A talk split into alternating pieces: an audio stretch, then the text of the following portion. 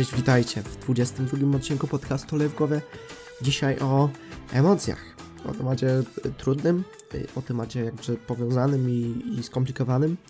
E, ale podajmy się go z tego względu, że ostatnim czasem udało mi się skoczyć na bungee.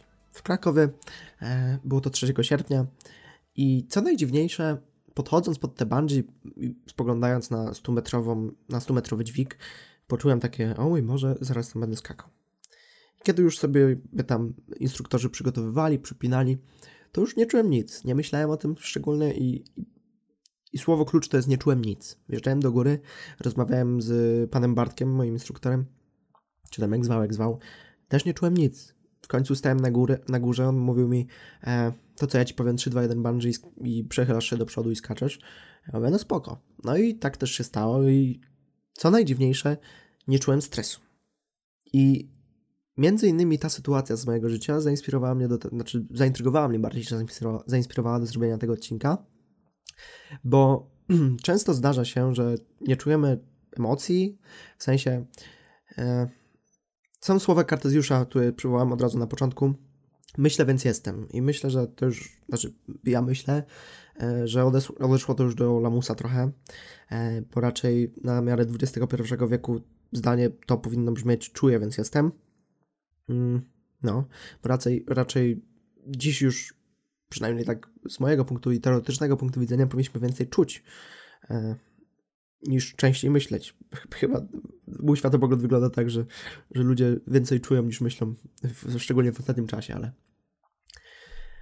ale to takie tam przemyślenia. No i, no i to, to, to poczucie i i jeszcze dziwniejsze uczucie, to jest właśnie, to jest właśnie ta taka pułapka umysłowa, bo niby nie czuję nic, ale czuję się dziwnie z tym, że nie czuję nic.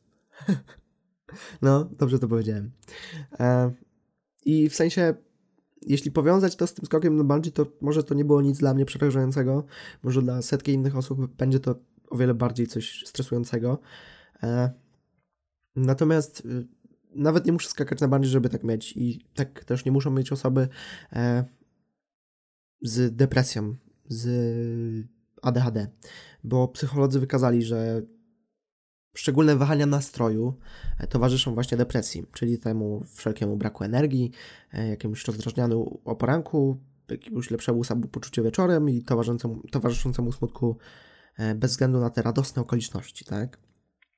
Ale to wahania nastroju jak się mają dlatego, że nie czujemy nic. Z tego względu, że te wahania nastroju, czy ta, jak ja to nazywam, huśtawką nastrojów, czyli raz u góry, raz na dole, mm, często związana jest z osobowością, która zwie się e, borderline, czyli po prostu osobowość e, bardzo chwiejna emocjonalnie. I są kilka różnych podcastów, które udało mi się słuchać, udało mi się przesłyszeć e, właśnie o tej osobowości. Jednak nie zdawałem sobie sprawy o tym, że właśnie to jest taka osobowość konkretnie. Słuchałem o tym, ale jakoś nie dałem sobie sprawy uświadomić tego, że to jest właśnie to. I dopiero teraz, czytając o tym, dlaczego często nie czujemy nic, o tym, że psycholodzy często to powiązują z ADHD, depresją, czy właśnie tą osobowością, mm, uświadomiłem sobie, że tak na dobrą sprawę ja nie lubię takiego szufladkowania, że wiecie, że ten jest mądry, ten jest głupi, ten jest wysoki, ten jest niski. No to jest słabe, ale myślę, że dużą część osób można by zakategoryzować do tej oto osobowości, o ile można y, kogoś kategoryzować na ten sposób. Nie lubię tego, ale myślę, że, że jeśli bym już tak robił, to większość, znaczy duża część osób by tam wpadła. Też jeszcze, jak sobie myślałem a propos tego, e, to ja nie wiem, w którym momencie jakby tak nie czujemy nic, ale najdziwniejsze uczucie jest wtedy, kiedy po prostu przestajemy może to jest powiązane z myśleniem, jak sobie teraz myślę, że przestajemy myśleć o naszych emocjach i wtedy faktycznie nie czujemy nic. Chociaż to jest głupie, bo te emocje są jakby ponad nasze myślenie, więc nie wiem, może to jest jakieś nielogiczne, ale ja chciałbym jeszcze nawiązać do tego, że do takiego monologu, na przykład jak ja go teraz prowadzę, jak sobie rozmawiam, no trochę sam ze sobą, w późniejszej formie trafi to do Was, do moich słuchaczy. E, natomiast w pierwszej kolejności jakby ja muszę przetworzyć to, co mówię, ja muszę powiedzieć to sensownie, o ile mi się udaje. E, I prowadzę to ten monolog, tak jak na dobrą sprawę, sam ze sobą mówię w tym momencie do mikrofonu e, i to jest mój jedyny odbiorca, tak na dobrą sprawę, tak? I często my, znaczy często, zawsze my prowadzimy taki monolog sami ze sobą i robię go ja, robisz go ty i robi go twoja mama i każdy prowadzi taki monolog w swojej głowie, w swoim umyśle.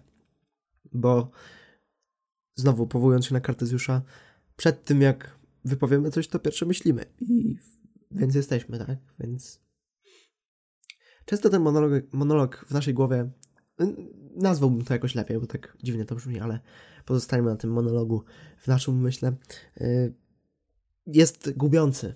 W sensie takim, że e, często doprowadzamy się do overthinkingu jakiegoś tam, tak? Czyli takiego nad, nadmiernego wymyślania jakichś nierealnych często sytuacji, ale nasz umysł jest y, na tyle niepoukładany, że i te może nasze emocje są na tyle niepoukładane, czy na tyle wzburzone, że, że wymyślamy sobie jakieś nierealne sytuacje. Więc wtedy e, zachodzą jakby takie mechanizmy, których y, myślę, że w sensie żaden człowiek nie jest w stanie tego pojąć, e, że to nie jest jakby nasza działka, nie jest nikogo działka, że jakby to po prostu jest. Może kiedyś e, ta populacja będzie na tyle mądra, żeby to pojąć w jakiś sposób. Może już ktoś pojął, nie wiem, nie znam takich osób, e, nie słyszałem o takich osobach, ale też jak sobie myślę właśnie o tym, a propos tego monologu, to nie da się wyłączyć tego cichutkiego głosiku w naszej głowie. Jak coś czytamy na przykład, prawda? Więc nie, nie da się tego wyłączyć tak, że pstrykniemy palcami i nagle tego nie ma. I nagle nic nie słyszymy siebie, nie słuchamy siebie. E, takim sposobem w sumie, a propos tego, to jest medytacja, prawda? To jest trochę powiązania szukam z tym, że tak sobie siadamy i tak się wyłączamy. Dosłownie się wyłączamy, bo chyba medytacja między innymi do tego służy, żeby się tak odciąć od całego świata i w sumie zestawić, zestawić jakby nas samych ze samymi sobą. Czyli w sumie to nie ma sensu, bo teoretycznie ja szukam tu rozwiązania, jak odciąć się od samego siebie, a medytacja służy do tego, aby skupiać się na samym sobie. Więc, no, I don't know. Może jest jakaś taka praktyka, która służy do tego, aby, aby odciąć się w ogóle od wszystkiego. Nie wiem, jedyne co mi przychodzi teraz y, na pozostałościach to są jakieś czary mary. W sensie y, nie hibernacja, tylko no jak ktoś wam tak rusza medalionikiem przed twarzą, to jest próbuje was zahipnotyzować. O, hipnotyzacja, nie hibernacja. No więc ciężka, ciężki, ciężki jest ten dział w ogóle i, i też leczenie tego jest strasznie, le, znaczy leczenie. Też czasami trzeba rozgraniczyć to, kiedy coś trzeba lecieć, czy trzeba nad czymś pracować, chociaż jedno jest powiązane z drugim, ale nie o tym, bo często po prostu na przykład taki brak energii e, skutkuje tym, że mało śpimy, źle się wysypiamy, o złych godzinach chodzimy spać, e, że źle jemy, że jemy nie to, co powinniśmy, że jemy coś, na co mamy uczulenie. E, nasz brak energii spowodowany jest tym, że się nie ruszamy w ogóle, że jemy za dużo niż powinniśmy. I często na to są jakieś proste rozwiązania, ale e, z mojej praktycznej strony wiem o tym, że, że te takie najbardziej popularne rozwiązania najczęściej nie działają. No, znaczy w sensie to by miało jakiś sens, gdyby takie najczęstsze rozwiązania działały, mm, ale akurat z mojego przykrego doświadczenia tak nie jest. I często, często póki sam do czegoś e, nie dojdę, w sensie wy też, tak mi się wydaje, e, póki sami nie, nie znajdziecie jakiegoś rozwiązania, które według was ma sens, e, to nie rozwiążecie problemu. I myślę, że tak jest, bo jeśli przeczytacie jeśli zdenerwujecie swoją mamę e, w młodym okresie swojego życia, wpiszecie na necie, jak ją przeprosić i będzie tam napisane, że kupcie jej kwiatka i dacie jej tego kwiatka i ona powie, że o super, to pomyśli, że o słodko, ale tak z drugiej strony po co ten kwiatek? Ładny, ale bezużyteczny, prawda? Więc znajdujmy e, te praktyczne i najczęściej użyteczne rozwiązania, które będą miały te skutki jak najdłuższe, abyśmy nie musieli się zamartwiać, abyśmy nie musieli overthinkować, abyśmy nie musieli się zmierzać z tymi e, z tym brakiem emocji, czy z tą osobowością borderline.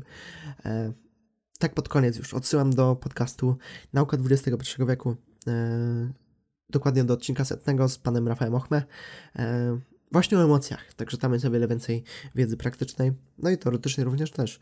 E, a propos właśnie emocji, mm, Tam jest bardzo ciekawa ta rozmowa, to jest jeden z moich ulubionych podcastów, także tam was odsyłam. E, trwa około dwóch godzinach, także tam się przynajmniej będziecie mogli rozkręcić. Także odsyłam tam. Dzięki za przesłuchanie i trzymajcie się. Widzimy, słyszymy się w kolejnych. Trzymajcie się. Bye!